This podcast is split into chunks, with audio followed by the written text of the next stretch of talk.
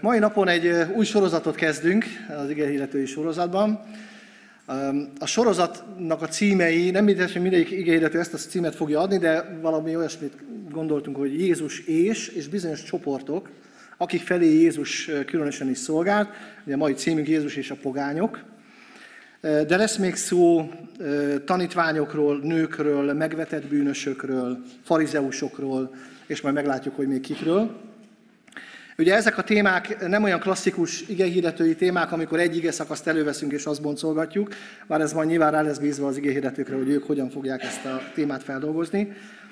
Inkább talán témákról beszélünk, és kicsit belebújjunk a tanítványoknak a sarúiba, és megfigyeljük, hogy Jézus hogyan bánt, hogyan viselkedett, hogyan szolgált ezek felé, a különböző csoportok felé, hogyan élték ezt meg azok, akik találkoztak Jézussal. Ma egy ige szakasszal és három történettel szeretnék foglalkozni, tehát nagy fába vágtam a fejszémet, remélem, hogy végig velem lesztek, és senki nem fog elulni közben, és végére érünk a történetnek. És amikor a pogányokról beszélünk, akkor nem tudunk úgy beszélni róluk, hogy ne beszélnénk azokról a történetekről, amikben Jézus pogányokkal találkozik.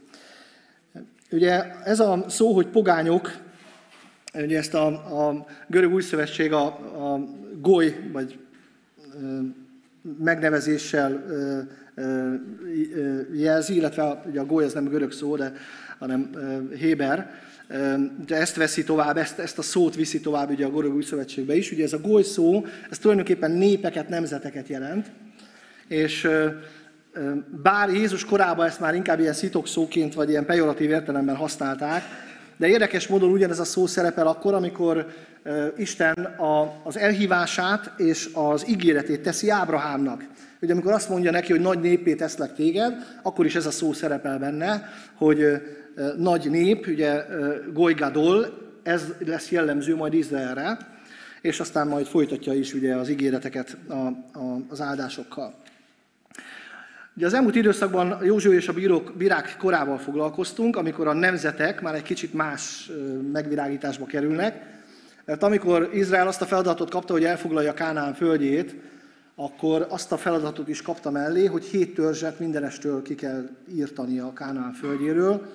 Az ő elvetemült, gonosz, demonizált, erkölcstelen, báványimádó élet stílusuk és életgyakorlatuk miatt, és mivel ebből semmiféle jelét nem mutatták a megtérésnek, a gondolkodások megváltozásának, Isten úgy döntött, hogy ezeknek a népeknek el kell vesznie a történelem útvesztőjében, hát ott valahol el kell, hogy tűnjenek a, a, arról a területről. De alapvetően nem ez a hozzáállás jellemezte Istennek a népekkel, a nemzetekkel való viszonyát. Tehát Isten nem arra gondolt, hogy Izraelnek a világ összes népét így kell kezelnie, mint ezt a hét, hét népet, akik Kánaán területen, területén éltek. Ugye Isten, amikor a, a, a, a, az elhívását adja Ábrahámnak, akkor ugye arról is beszél, hogy Ábrahám nem csak nagy nemzeté, ugye Golygadol lesz, hanem áldás lesz majd a környezetében élő népek számára. Mégis, amire eljutunk Jézus idejére, Jézus korába, akkor ez a goly kifejezés, ez már nagyon, mint mondtam, ilyen lenéző, pejoratív értelmű, ugye a, a másodrangú emberek szintjére viszi a pogányokat. Ugye bizonyos állatokkal is azonosították őket, ők voltak a kutyák, vagy hasonlították őket a disznókhoz, ellenségek voltak, lenézettek voltak, és Izrael gyakorlatilag egy teljes elkülönést gyakorolt velük kapcsolatban, nem étkezhettek velük együtt. Nyilván itt volt egy bizonyos félelem az, abban, hogy a, ha velük együtt érkeznek, akkor báványáldozati húst fognak enni. Nem mehettek be a házukba, tehát egy teljes elkülönés volt Izraelnek az élet gyakorlatában a pogányoktól. Volt egy kis felsőbbrendőség tudat is bennük, ők az Isten népe, az összes többi meg a maradék. Ugye olyannyira jellemző volt ez a gondolkodás, hogy ugye Izrael Jézus idejében alapvetően két területből állt, ugye a Jeruzsálem és Júda, az volt talán lehet mondani a tisztább zsidó nép, akik, akik talán a közösségükben tisztában tudták gyakorolni az ő zsidó mi voltukat, és volt Galilea. Ugye Galilea volt az a nép, ahol a zsidók inkább keveredtek a pogányokkal, az oda beköltöztetett, illetve aztán a, zsidók, a zsidókat költöztették be Galilea területére a pogányok közé. Kicsit olyan volt ez, mint amikor a zsidó diaszporában éltek később a történelem folyamán, de Galileában ilyen nagyon nagy keveredés volt.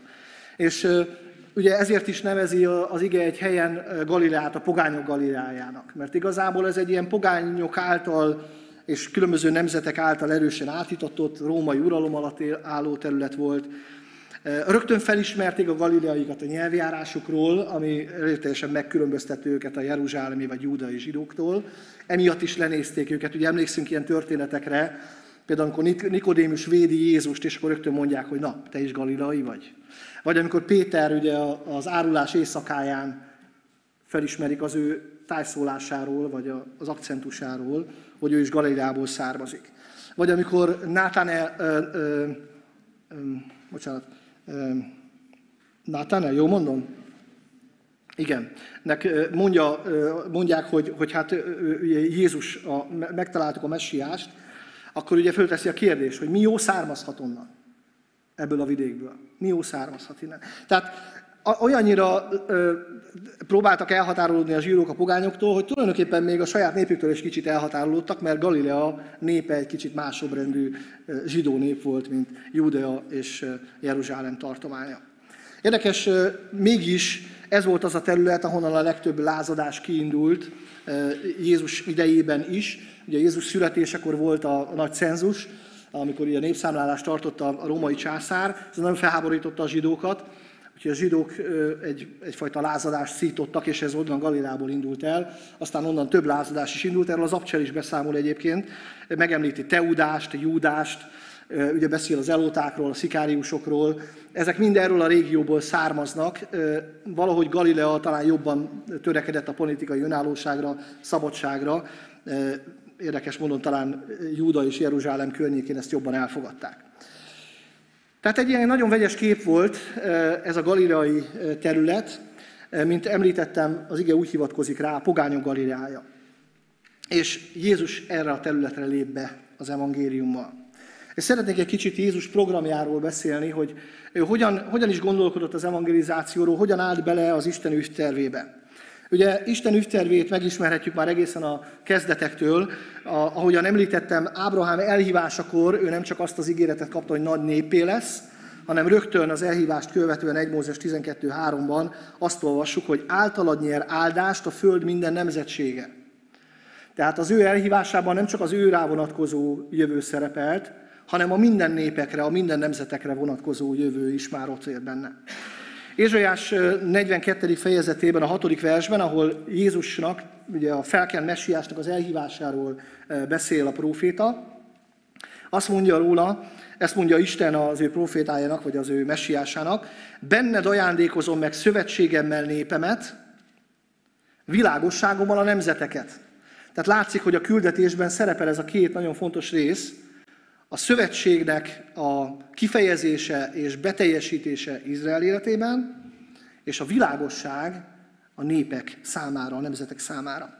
Amikor Jézus megszületett, és a szülei, édesanyja és nevelőapja felvitték őt a templomba bemutatásra, volt ott egy élemedett korú ember, Simon, aki az úr gyermeke volt, lélekkel teljes, és amikor meglátta a gyermeket, és a kezébe vette Jézust, akkor egy ilyen örömfohász volt a szívében, és azt mondta, meglátták szemeim üdvösségedet, amelyet elkészítettél minden, szép, minden nép szeme láttára, hogy megjelenjék világosságul a pogányoknak, és dicsőségül népednek Izraelnek. Tehát itt is ez a profétai kijelentés tartalmaz ezt a két fontos küldetést, hogy Jézus küldetése elsősorban a zsidók számára, a zsidók dicsőségének, a zsidók Istennel való kapcsolatának a helyreállítása, de ugyanakkor a pogányoknak világosságot.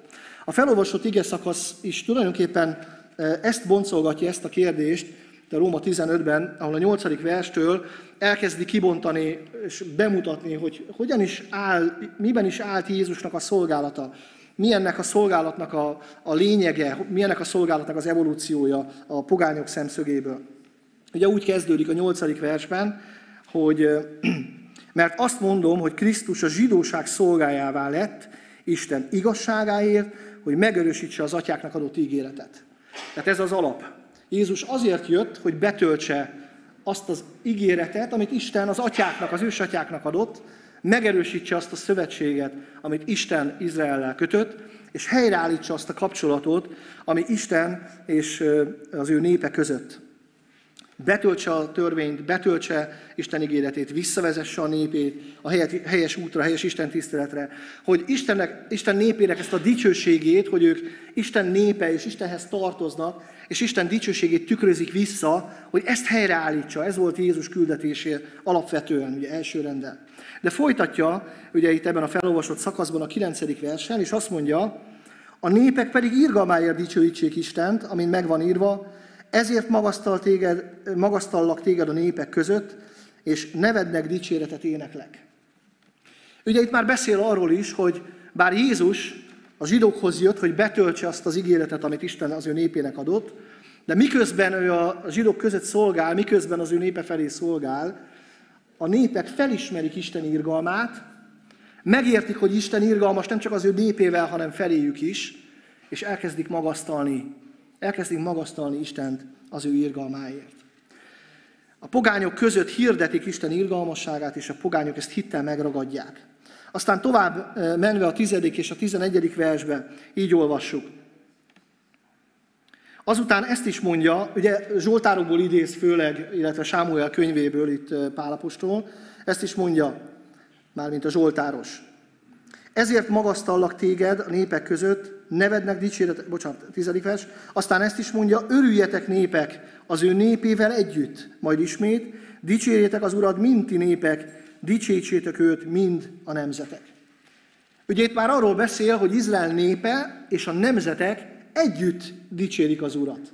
Ugye tovább lép ebben a küldetésben. Jézus küldetése nem csak az, hogy Izrael népe dicséri az Urat, és visszatérjen a helyes Isten tiszteletre, hanem hogy a népek és a nemzetek együtt dicsérjék az Urat. Miért?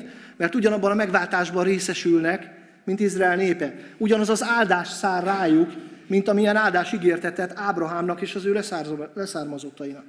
Aztán tovább folytatja, és azt mondja, ja, bocsánat, egy 11. vers, azt már, olvastam, hogy e, dicsérjék az Urat minti népek, dicsértsétek ők mind a nemzetek. És itt hangsúlyos ez a szó, minden nép, minden nemzet. Tehát, hogy ez az evangélium nem ott marad Jeruzsálemben és környékén és Izrael területén, tehát nem csak az ott élő pogányokra vonatkozik, hanem kiterjed az egész föld kerekére, és minden népet és minden nemzetet magába foglal az, hogy együtt részesülnek Izraellel, Isten megváltásában és Isten tervében. És aztán a 12. vers teszi föl a koronát, Ézsaiás pedig így szól, hajtás sarja isai gyökeréből, és népek uralkodójává emelkedik, benne reménykednek a népek.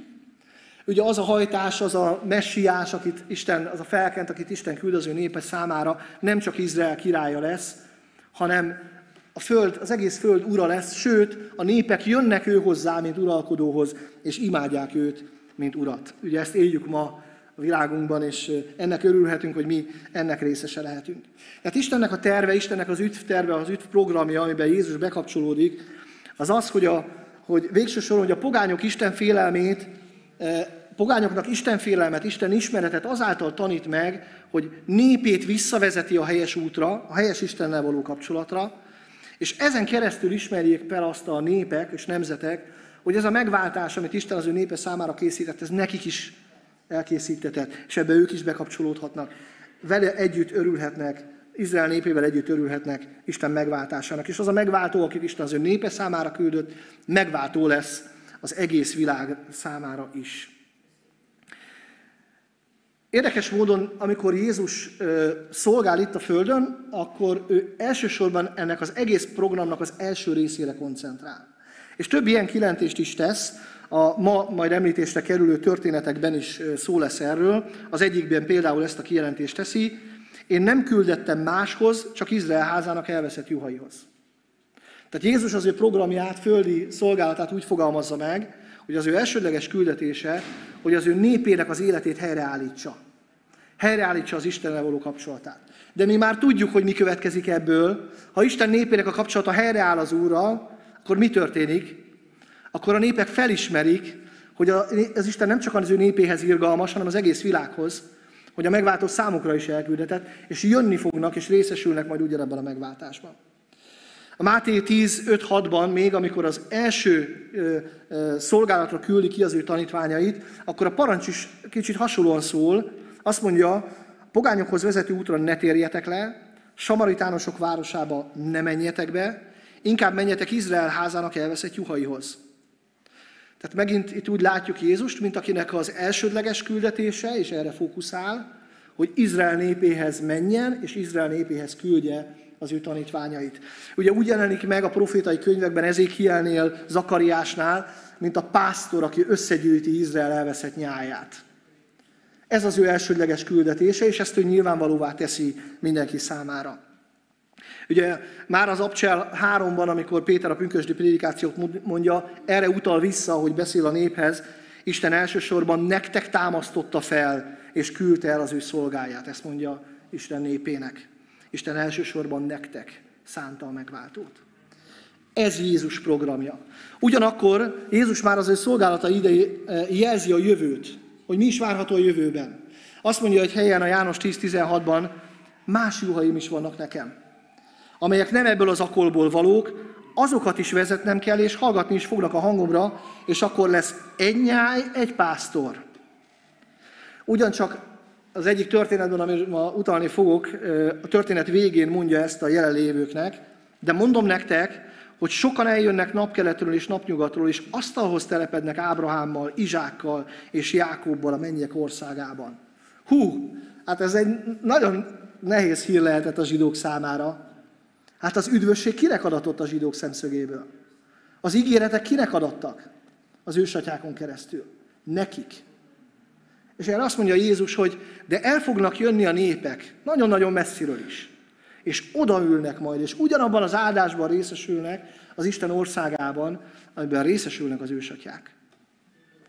Hát ez egy nehéz üzenet, és nehéz hír volt, de mégis ez a jövőképe Jézusnak. Lehet, hogy Jézus, nem tudom, mert talán erre elértem utalást nem láttam, de lehet, hogy Jézus ezért választja Galileát az ő szolgálata középpontjául.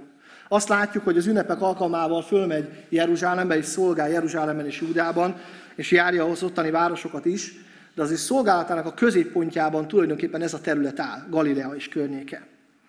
Lehet, hogy talán azért, mert itt, itt van a leginteraktívabb kapcsolat a pogányok és a zsidók között. Itt valósulhat meg az, hogy helyreáll az Isten népe, és világosság lesz a környezetének. Talán ez azok, nem tudjuk. Minden esetre a Máté 4-ben, amikor Jézus meghallja, hogy János kivégzik, keresztelő Jánost, akkor így olvassuk a, János 4, a Máté 4.12-től. Amikor Jézus meghallotta, hogy Jánost fogságba vetették, bocsánat, még nem végezték ki, visszatért Galileába. Majd elhagyta Názeretet, elment és letelepedett a tengerparti Kapernaumban, Zebulon és Naftalin területén, hogy beteljesedjék az, amit Ézsaiás profétált, Zebulon földje és Naftali földje, a tenger melléke, a Jordánon túl a pogányok Galileája. A nép, amely sötétségben él, nagy világosságot lát, és akik a halál árnyékának földjén élnek, azoknak világosság támad. Ettől kezdve kezdte el hirdetni, hogy térjetek meg, mert elközelítettetek a mennyek országa.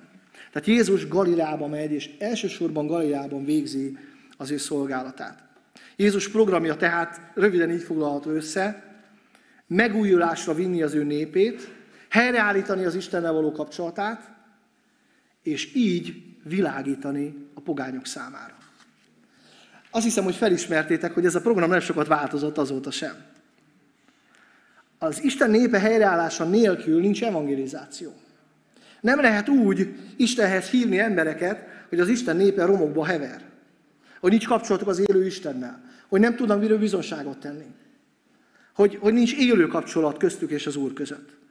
Ez a program ez ma is nagyon hasonló.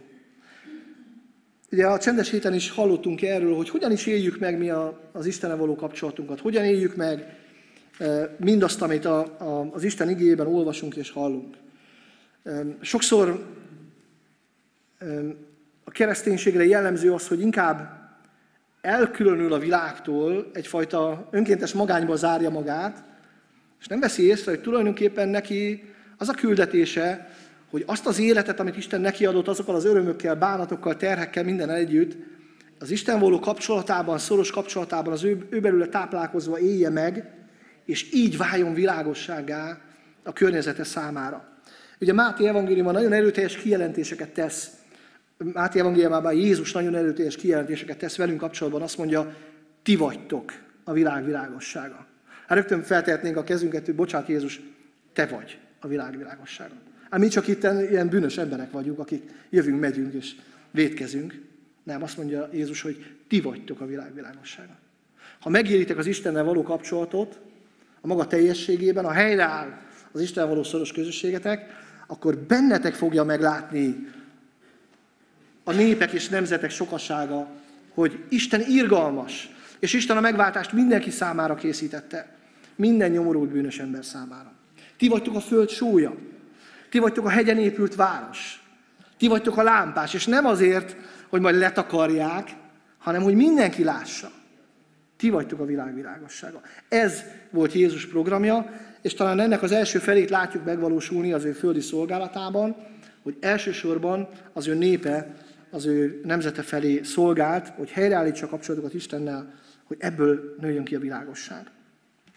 Mégis azt látjuk, és itt a második pontomnak az a címe, hogy álljunk meg egy lélekért, azt látjuk, hogy Jézusnak volt egy nagyon határozott programja, ami beleilleszkedett Isten ügytervébe, de Jézusnak volt egy mottója is, ez nagyon kedves számomra, nagyon sokszor tanuljuk meg a gyerekekkel alimondásként, biztosan tudjátok folytatni, ha elkezdem. Mert az emberfia azért jött, hogy megkeresse és megtartsa az elveszettet. Tehát Jézusnak volt egy programja, de volt egy, egy mottója, volt egy lelkülete, ami, ami nem tudott, amitől nem tudott elvonatkoztatni, és az egész szolgáltat jellemezte hogy ő az elveszettek megmentéséért jött, és érdekes, hogy ebben az igévesben kifejezetten egyes számmal szerepel. Hogy megtartsa, megkeres és megtartsa, ami elveszett, vagy az elveszettet. Ugye a különböző fordításainkban így szerepel. Tehát Jézus miközben végezte az ő egyértelmű és határozott programját és szolgált az ő népe felé, ő végig ezt kitette szem előtt. Megkeresni és megtartani az elveszettet. Nekem ez egy nagy nehézségem, megmondom őszintén, és Sokszor veszem észre magam azon, hogy jellemző rám, hogy benne vagyok egy programban, csinálom azt, amit úgy gondolom, hogy Isten erre elhívott, végzem programszerűen a, mondhatni az evangelizáció szolgálatát, és nem veszem észre, hogy mikor kellene megállnom, és kinyúlni azért az egy emberért, akit valahogy úgy mellém sodort az élet, vagy hirtelen kapcsolatba kerültünk valamilyen esemény kapcsán, és nem veszem észre, hogy nekem most nem a programot kell folytatni, hanem az, azzal az egy emberrel van dolgom, és arra az egy emberre kell szánni időt, energiát, odafigyelést, és minden mást. És nagyon fontos, hogy ezt a fajta lelkületet Jézustól megtanuljuk, és ezért is adtam ezt a címet ennek a vázlatpontnak, hogy álljunk meg egy lélekért, mert Jézus ezt tette, megállt a lelkekért. Három történetet szeretnék így gyorsan elmondani. Nem fogjuk most ezeket felolvasni, de majd mindig mondom, hogy melyik evangéliumból lehet ezeket elolvasni, és esetleg követhetitek majd, ahogy mondom, a történetet. Három történet, amiben Jézus pogányjal találkozik, tehát nem zsidó emberrel találkozik. Van még több is, de majd teszek róla említést, de most ezt a hármat választottam ki. Van köztük hasonlóság, és ez úgy gondoltam, hogy talán része lehet ennek a mai üzenetnek. Az első ilyen történetet a Máté 8-ban, illetve a Lukács 7-ben olvassuk, a Kapernaumi századossal történő találkozás. Ugye mi is történt a kapernaumi századossal való találkozás előtt? Jézus nem sokkal ezelőtt mondja erre a hegyi beszédet. Ugye a felolvasott igében a Máté evangéliumában már láttuk, hogy Jézus szállása Kapernaumban volt. Valószínűleg Péter anyósának a házában élt, lakott, abban az időben, amíg ott tartózkodott. És miután a hegyi beszéd elhangzik, miután az a hatalmas szolgálat, igei és gyógyító és egyéb szolgálat elhangzik, visszatér Kapernaumba, hogy megpihenjen. És rögtön, ahogy belép a városba, jönnek elé, baj van. Itt a százados, itt a szolgája, halálán van, jöjj és gyógyítsd meg. Mindazok után, amit a bevezetőben elmondtam a politikai helyzetről, ugye ez egy nehéz kérdés. Most mit csinálják ezzel a századossal? Hát ez a római százados a népem ellensége. A felkelések, itt van a tanítványaim között Simon az elóta, kérdezze meg őt, Mit csináljunk a római századossal, meg a szolgájával? Lehet, hogy más ötletei lennének. És azt látjuk, hogy Jézus egyáltalán mérlegel. Azt mondja, elmegyek, meggyógyítom. Elmegyek, meggyógyítom. Ugye érzik a zsidók, hogy azért ez, ez egy nehéz szitu. És akkor elkezdik bizonygatni Jézusnak, hogy gyere, mindenképpen gyere, mert ez egy nagyon fontos ember. Ő segített nekünk zsinagógát építeni, támogatja, szereti a népünket, gyere, foglalkozz vele. De Jézus már meghozta a döntést, elmegyek, meggyógyítom a szolgát. És aztán emlékeztek a történetre, hogy hogy a, üzene a, a, százados, hogy Jézus ne gyere, nem vagyok méltó, hogy a házamba gyere. Zárójelben megérzem, nem is tudom, hogy bemehetette volna a római százados házába. De a zsírok nem mentek be a pogányok házába. Ne gyere hozzám, nem vagyok méltó rá, hogy hozzám gyere, csak parancsol, csak mond, hogy gyógyuljon meg a szolgám, és, és meg fog gyógyulni, mert én tudom, hát én ugyanezt csinálom, hatalom alá rendelt ember vagyok, az a feladatom, hogy parancsokat adjak, és ha kimondok valamit, az meg fog történni, mert nálunk rend van. És hiszem, hogy nálad is rend van, és ha te parancsolsz valamit, akkor az megtörténik. Hú, micsoda bizonságtétel ez egy pogány ember szájából. Nem tudjuk pontosan Jézus miért vállalta be ezt a szolgálatot. Biztos vagyok benne, hogy elcsigázottan, fáradtan érkeztek meg Kapernaumba, jól esett volna az a pihenés, a tanítványokkal átbeszélni, mi történt az elmúlt napokban, értelmezni a tanításokat, megbeszélni, hogy, hogy hogyan tovább.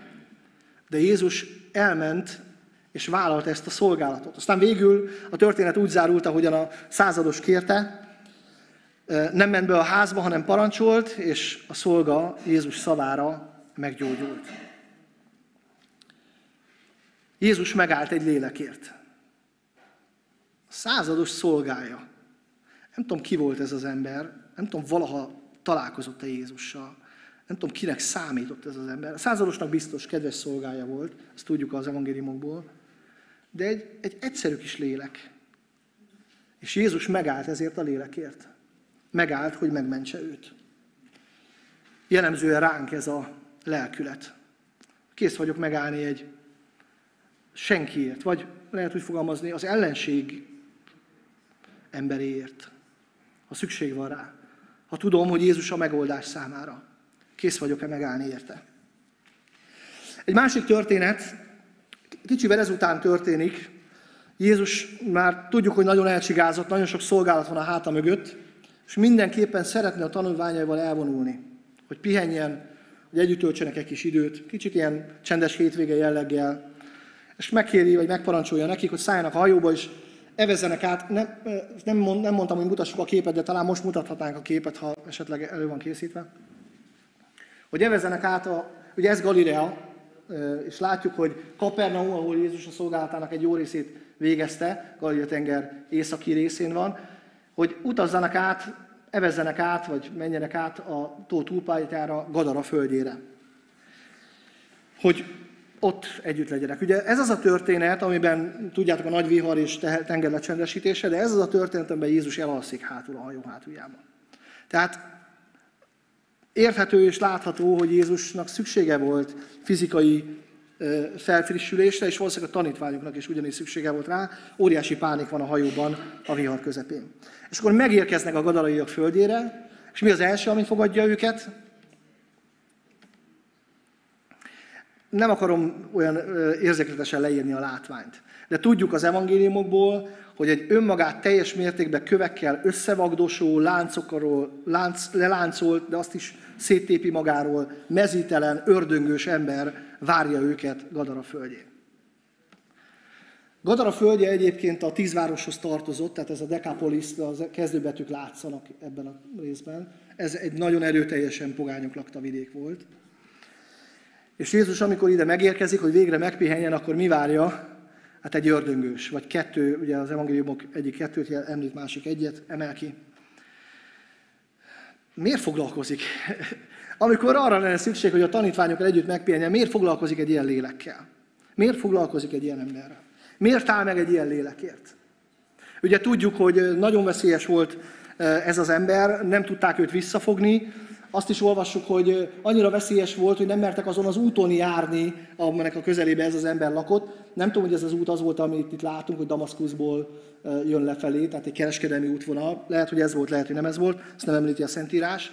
De látjuk, hogy komoly kárt okozott a, a, a Godara városban lakóknak, meg a környékbeli lakóknak. Nem is házban lakott, hanem sírboltok között tengette az életét, ugye mezítelenül, összevagdosva, ápolatlanul, tehát egy ilyen, egy ilyen ultrahajléktalant képzeljünk el, aki ráadásul még megszállott és bántja az embereket, és, és fosztogat, és, és rabol, és öl. Miért, miért áll meg Jézus, és miért foglalkozik egy ilyen emberrel? Nem biztos, hogy tudjuk rá a választ, de, de sejtjük. Sejtjük a választ rá. Mert Jézus megáll az elveszett lelkekért. Jézus megáll az elveszett lelkekért, és azt keresi, hogy hogyan mentheti meg az elveszettet. Jézus számára értékes ez az ember. Ez egy senki volt. Sőt, egy mindenki által utált senki volt, akitől legszívesebben mindenki megszabadult volna. De Jézus számára értékes volt. Azt látjuk, hogy ugye a történet úgy végződik, hogy Jézus kiűzi ebből a ördöngösből, vagy ördöngösökből a légió nevezetű ördögöt, ami sok-sok ördög. Nem tudjuk pontosan, hogy miért így van, mik a szabályok így az ördögöknek a mozgásában, de ugye egy egész disznó nyájba küldi be őket az ő kérésükre, és 2000 disznónyáj, tehát egy teljes disznónyáj oda veszik tulajdonképpen ebben az ördögűzésben, ebben a szabadító szolgálatban, és megszabadul ez a lélek, és, és szabad lesz, és, és visszatér éppen és egészségesen az ő népéhez. Mi az értéke egy léleknek? Megkeresztem a KSH statisztikai hivatalnak a jelentését. Ma Nógrád megyében 5500 sertés van. Ugye ipari sertéstenyészet van Magyarországon, de el tudjuk képzelni, hogy ez a 2000 sertés, ez mi vagyon volt. Hát iszonyatos vagyon volt. Egyik napról a másikra semmibe veszett. Jó, a zsidók számára nem sok értéket képviselt a disznó, de ezek ugye pogányok voltak, ezeknek az volt a vagyonuk. És Jézus számára nem volt kérdés, hogy az ördögöknek mennie kell. És ha az az út, hogy a disznókba, akkor a disznókba. És még ez sem volt elég, mert Jézus ezért az emberért is odatta az életét önként. Ilyen ára van egy léleknek Jézus szemében. Jézus kihasználta a lehetőséget, hogy ezt az embert megmentse. Hadd mondjak egy harmadik történetet. Ez északon történt, Tírus és Szidon vidékén, ott az aláhúzott városok valamelyikében, vagy közelében. Ugye ez az a történet, amikor Jézus ismét egy csendes hétre viszi el a tanítványait, ez már egy nagyobb séta, elviszi erre a vidékre őket, és próbál elrejtőzni az őt köveső sokaság elől, hogy egy kicsit együtt legyen a tanítványaival. De itt van ez az asszony, aki valahogy rájön, hogy Jézus arra jött, és ennek az asszonynak van egy lánya, akit megszállt az ördög, és szörnyű dolgokat tett vele, és teljesen kifacsarta az életét, és az asszony oda megy Jézushoz, és könyörög neki, hogy mentse meg. A tanítványoknak megvan a megoldása erre a helyzetre. Kicsit olyan, mint a szamáriai asszonynak a szituációja. Mondják Jézusnak, küld el.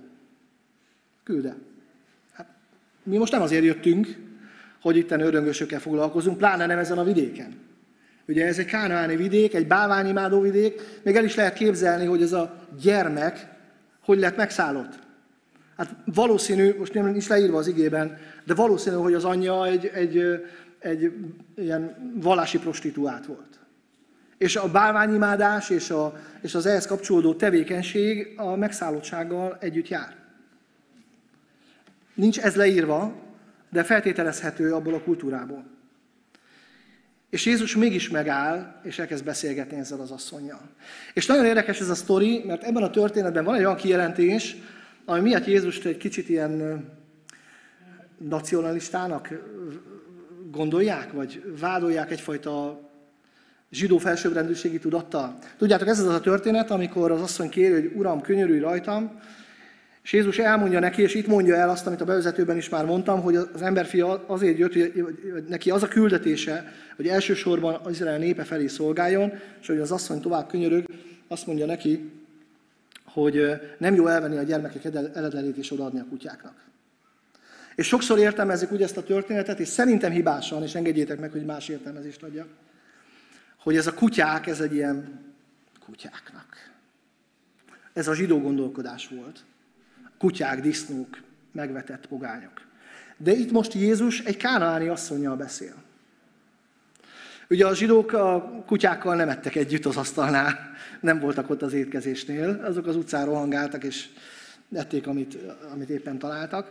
De a zsidók számára a kutya az étkezésnek nem volt a kelléke.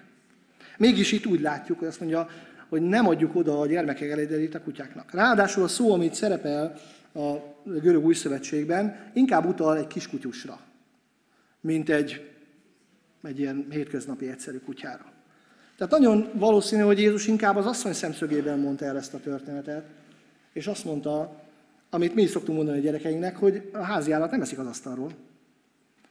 A gyereknek adjuk az ő neki való kosztot, a kiskutyusnak, meg a házi kedvencnek, meg az ő neki való kosztot adjuk. Tehát Jézus nem megalázni akarta ezt az asszonyt, hanem meg akarta erősíteni azt az üzenetet, hogy az ő szolgálata elsődlegesen Izrael népéhez van. Neki Izrael népe felé van a szolgálata. És nekik kell adnia azt, amit Isten nekik szánt. De aztán látjuk, hogy az asszony tovább harcol, és azt mondja, hogy igen, igen, igen, de ott vannak a kutyusok az asztal alatt, és ami lehúlik morzsa az asztal azt megeszik. És ebből látszik, hogy ez a szituáció nem történhet meg Izraelben. Ott nem, nincsen asztal alatt kutya. Ez otthon nálunk így van, ott liheg a kutya az asztal alatt, és várja a leeső falatokat. Ez egy pogány kultúra, ott elképzelhető. De, de ez nem a zsidó kultúrája. És akkor azt mondja Jézus, hogy na, na ezért. Te most olyat mondtál, amit én nem hallottam a saját tanítványainktól. Te megértetted, hogy mi az én küldetésem. Te megértetted, hogy az én küldetésem az, hogy Izrael helyreállításával bemutassam azt, hogy Isten ugyanazt az áldást és megváltást készíti Isten népének, mint a nemzeteknek. Ugyanazt. Megvan a sorrend, de az áldás, a megváltás, az ajándék az ugyanaz. És ezért a szóért megteszem, amit mondasz. És meggyógyítja az ő szavával, és kiűzi az ördögöt abból a gyermekből.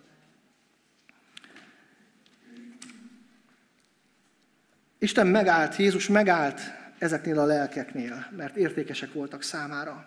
Megállt az ő programjában, megállt, időt szánt rájuk, hogy elvégezze a megváltás szolgálatát ezeknek az embereknek az életében. Én azt gondolom, hogy fel kell tennünk nekünk is a kérdést magunknak, hogy értékesek annyira a minket körülvevő lelkek, hogy észrevegyük azokat, akik mellett nekünk meg kell állnunk. Végezzük a hétköznapi tevékenységünket, a munkánkat, a szolgálatunkat, de aztán közénk, hozzánk jön, hozzánk csapódik egy-egy ember, akik miatt meg kell állnunk. Mert Isten lelke arra vezet bennünket, hogy meghallgassuk. Vagy kezdeményezzünk egy beszélgetést, vagy hirtelen témát váltsunk, és rákérdezzünk mi, hogy akkor veled hogy van ez? Vagy időt töltsünk vele, vagy módosítsuk a programunkat, és olyan döntsük, hogy akkor most elmegyek, ebédelek veled, és beszélgetek veled. Vagy meglátogatom őt. Ha tudom, hogy arra van szüksége, mert most abban a helyzetben ő elkészített arra, hogy a megváltás ajándékát elfogadja. Egyébként megjegyzem zárójelben, tényleg csak zárójelben, az én véleményem az, hogy mindezek megtapasztalták az Isten megváltói munkáját, mindez, mindez a három személy, de szó szerint nincs leírva a Bibliában, hogy ezek az emberek megtértek volna. Tehát azt is látjuk, hogy találkoztak Jézussal, találkoztak az ő hatalmával, az ő személyéből megismertek valamit, nem tudjuk pontosan. Én, én személyesen hiszem, hogy aki így találkozik Jézussal, és akikről Jézus még ki is mondja, hogy nagy a te hited, vagy ilyen hitet nem láttam Izraelben, azok valóban üdvösséget nyertek, de ez így szó szerint nincs leírva. De Jézus megáll, és elvégzi ezt a munkát, amit Isten rábízott, mert ezek a lelkek értékesek voltak számára. Az utolsó pontunkhoz értünk, és itt nem tudtam ezt olyan szépen belekötni az előző részbe, úgyhogy ilyen felsorolásszerűen szeretnék néhány tanulságot mondani, és rámutatni néhány áldásra, ami, amit a tanítványok átélhettek, miközben együtt jártak Jézussal, és ezt a három történetet, ezt a három eseményt végigélték. Az egyik, amire tanulság számomra, és nagyon érdekes volt számomra, hogy Jézus milyen tudatosan töri meg azokat a zsidó babonás hagyományokat és szokásokat, amikben a zsidók éltek, különösen is a pogány misszióban. És lép át olyan határokat, amik a zsidók nem voltak hajlandók átlépni. És kicsit jellemző ez ránk is, az ilyen régi múltal jelenző, rendelkező keresztényekről bizonyos határokat nem lépünk át, mert nem illik, vagy mert nem így szoktuk, mert a gyülekezetünkben ez nem szokás, de Jézus megtöri ezeket, mert számára a lélek sokkal fontosabb. Például ugye vállalja, hogy Galileában kezdi a szolgálatát. Én azt gondolom, hogy ha élettem volna Jézus helyében, nem ott kezdtem volna. Hát az a mocsok meg ferte, ami ott volt, lehet, hogy Júdában, Jeruzsálem környékén, Gomálián lábainál növekedve, talán nagyobb előjutást ért volna el a zsidók között. Egy tisztább környezetben, ugye? Kézbe menni egy pogány házába. Kész segíteni az elnyomó hatalom szolgáját. Nem ragad le politikai kérdéseknél, most akkor ennek mi lesz a következménye? Ugye mi sokszor leragadunk ilyen kérdéseknél, oké, okay, de akkor mi van, ha ez megtér? És jön vele a családja, meg a pereputty. Hogy fogjuk kezelni? Mi lesz a gyülekezettel? Ugye mi leragadunk ilyen kérdéseknél. De Jézus nem zavarták ezek a kérdések. Ott volt egy lélek, aki kész volt a megtérésre, megtérésre vezette. Ő kész foglalkozni a tisztátalannal, és nem, nem, nem zavarja, hogy ő tisztátalanná válik, úgymond ezáltal. Ugye miről beszélünk? Ez a gadarai ember sírboltok között lakik. Ugye disznópásztorok a szomszédai. Tehát egy, egy teljesen pogány kultúrából egy, egy, fert, egy, egy, egy, egy, egy koszos, büdös, egy, egy szennyezett, egy tisztátalan valaki, és nem fél foglalkozni vele. Pogány földre megy. Ugye kétszer is. Gadara, Tírus vidéke. Egy bálványimádó, parázna asszonynak a kérésével foglalkozik. Meglátja benne az üdvösségre vezető hit lehetőségét. Ugye külön történet még a somáriai asszony, nem akartam foglalkozni vele, mert nem egészen pogány közé tartozik, e, biztos majd egy másik ígérető előveszi. Ugye ott az a találkozás, amin a tanítványok megrökönyödnek. Mit beszélsz vele? Ugye úgy kezelik Jézus, mint a valami, nem tudod, hogy zsidó vagy? Nem beszélünk nőkkel, samáriai nőkkel. Egyedül a kútnál. Tehát olyan határokat lép át Jézus, ami, amiből nyilvánvaló látszik, hogy számára a lélek mentése mennyire fontos.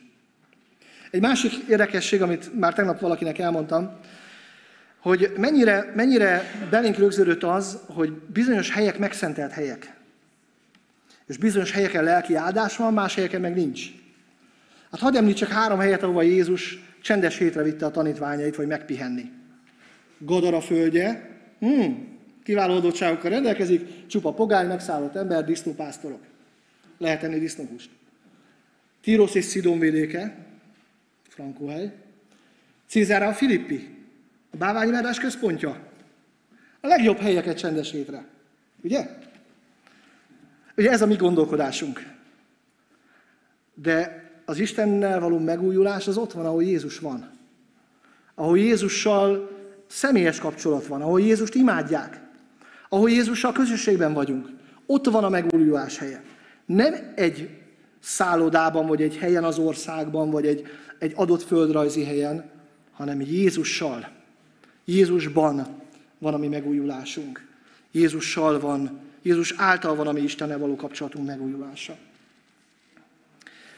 Egy másik gondolat, hogy amikor az Isten lelki által vezetve kilépünk a programból, és megállunk egy-egy lélekért, akkor különleges dolgok történnek, különleges dolgokat élhetünk át és tapasztalhatunk meg, és ráláthatunk arra, hogy Isten milyen különös módon szerkeszti egybe a történetet, külön, különböző embereknek a történetét. Biztosan tudjátok, mondtam ezt már többször, hogy ugye a Vasalapiskolai Szövetségnél mi gyerekklubokat tartunk, és alapvetően kimegyünk egy játszótéri klubra, mi gyerekekkel foglalkozunk. És mindig zavar, és soha nem tudok mit kezdeni azzal a helyzettel, hogy ott vagyunk kint, és akkor inkább szeretnénk, hogy a szülők ne is legyenek ott, mert akkor gyerekeknek tartjuk a programot. De most, amikor Egerben voltunk, most nagyon érdeklődő szülők voltak, és ott végigültek, és végighallgatták a történetet. És gondolkodtam rajta, hogy kell ez nekünk? Biztos? És már úgy eltelt két nap, vagy három nap, mire ráébredtem, hogy hát ők azért vannak ott, mert velük beszélgetnünk kell. Mert nekik is szükségük van arra, hogy halljanak Jézusról személyesen.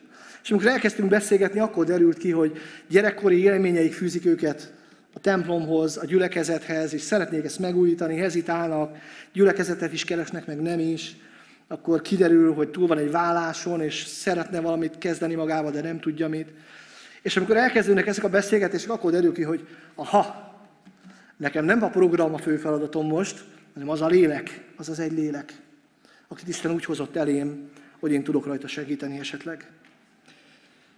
olyan dolgokat láthatunk meg ezekben a megállásokban, amik a mi növekedésünket, a mi lelki növekedésünket is szolgálják. Ugye a tanítványok mivel zaklatták Jézust? Növeld a mi hitünket. Kicsiny hitűek vagyunk, nagy hitet akarunk. Mit tett Jézus? Elvitte őket Tírusba. Ott megtanulhatjátok, hogy mit jelent a nagy hit. Mert hogy ezt mondta az asszonyról, nagy a te hited. Miközben a tanítványokról azt mondta, kicsiny hitűek vagytok. Elvitte őket a százados házához, vagy nem mentek végül is el odáig, de ebbe a környezetbe. És azt mondta Jézus, sehol Izraelben nem láttam ekkora hitet. Ezen a történeten keresztül a tanítványok ráébredtek arra, hogy mit is jelent a nagy hit. Mit jelent az, amikor rálok Isten szavára, amikor Jézust Isten fiának mondom, és azt mondom, hogy te megteheted. Te, te az üdvösség szerzője vagy. Én benned bízom. Én rálok a szabadra. Én hiszem, amit mondasz. Én rád bízom az életemet. Én hozzád fordulok segítségébe, senki más nincs, aki segíteni tudja. Te parancsolsz, és ez megtörténik. Amikor megmegállunk egy-egy lélekért, Isten különleges áldásokat készít el számunkra, és ezen keresztül jobban megismerjük őt is. Még egy utolsót hadd mondjak. És szoktuk azt kérdezni, hogy ki kezdte el a pogány missziót. És akkor rögtön eszembe jutnak az apostolok, kezdve ugye Fülöppel, nem volt apostol, de tanítvány volt, ugye a diakonusok egyike, etióp kincstánokkal találkozott, és vitte az evangéliumot neki, vagy eszünkbe Péter, a nagy jelenés, a sok tisztátalan állattal, vagy Pálapostól, de eszetekbe jut a gadarai megszállott. Mert hogy ezt olvassuk róla, Jézus kérte, hogy hadd menjek veled, hadd legyek a tanítványod, és azt mondta, menj haza tieidhez.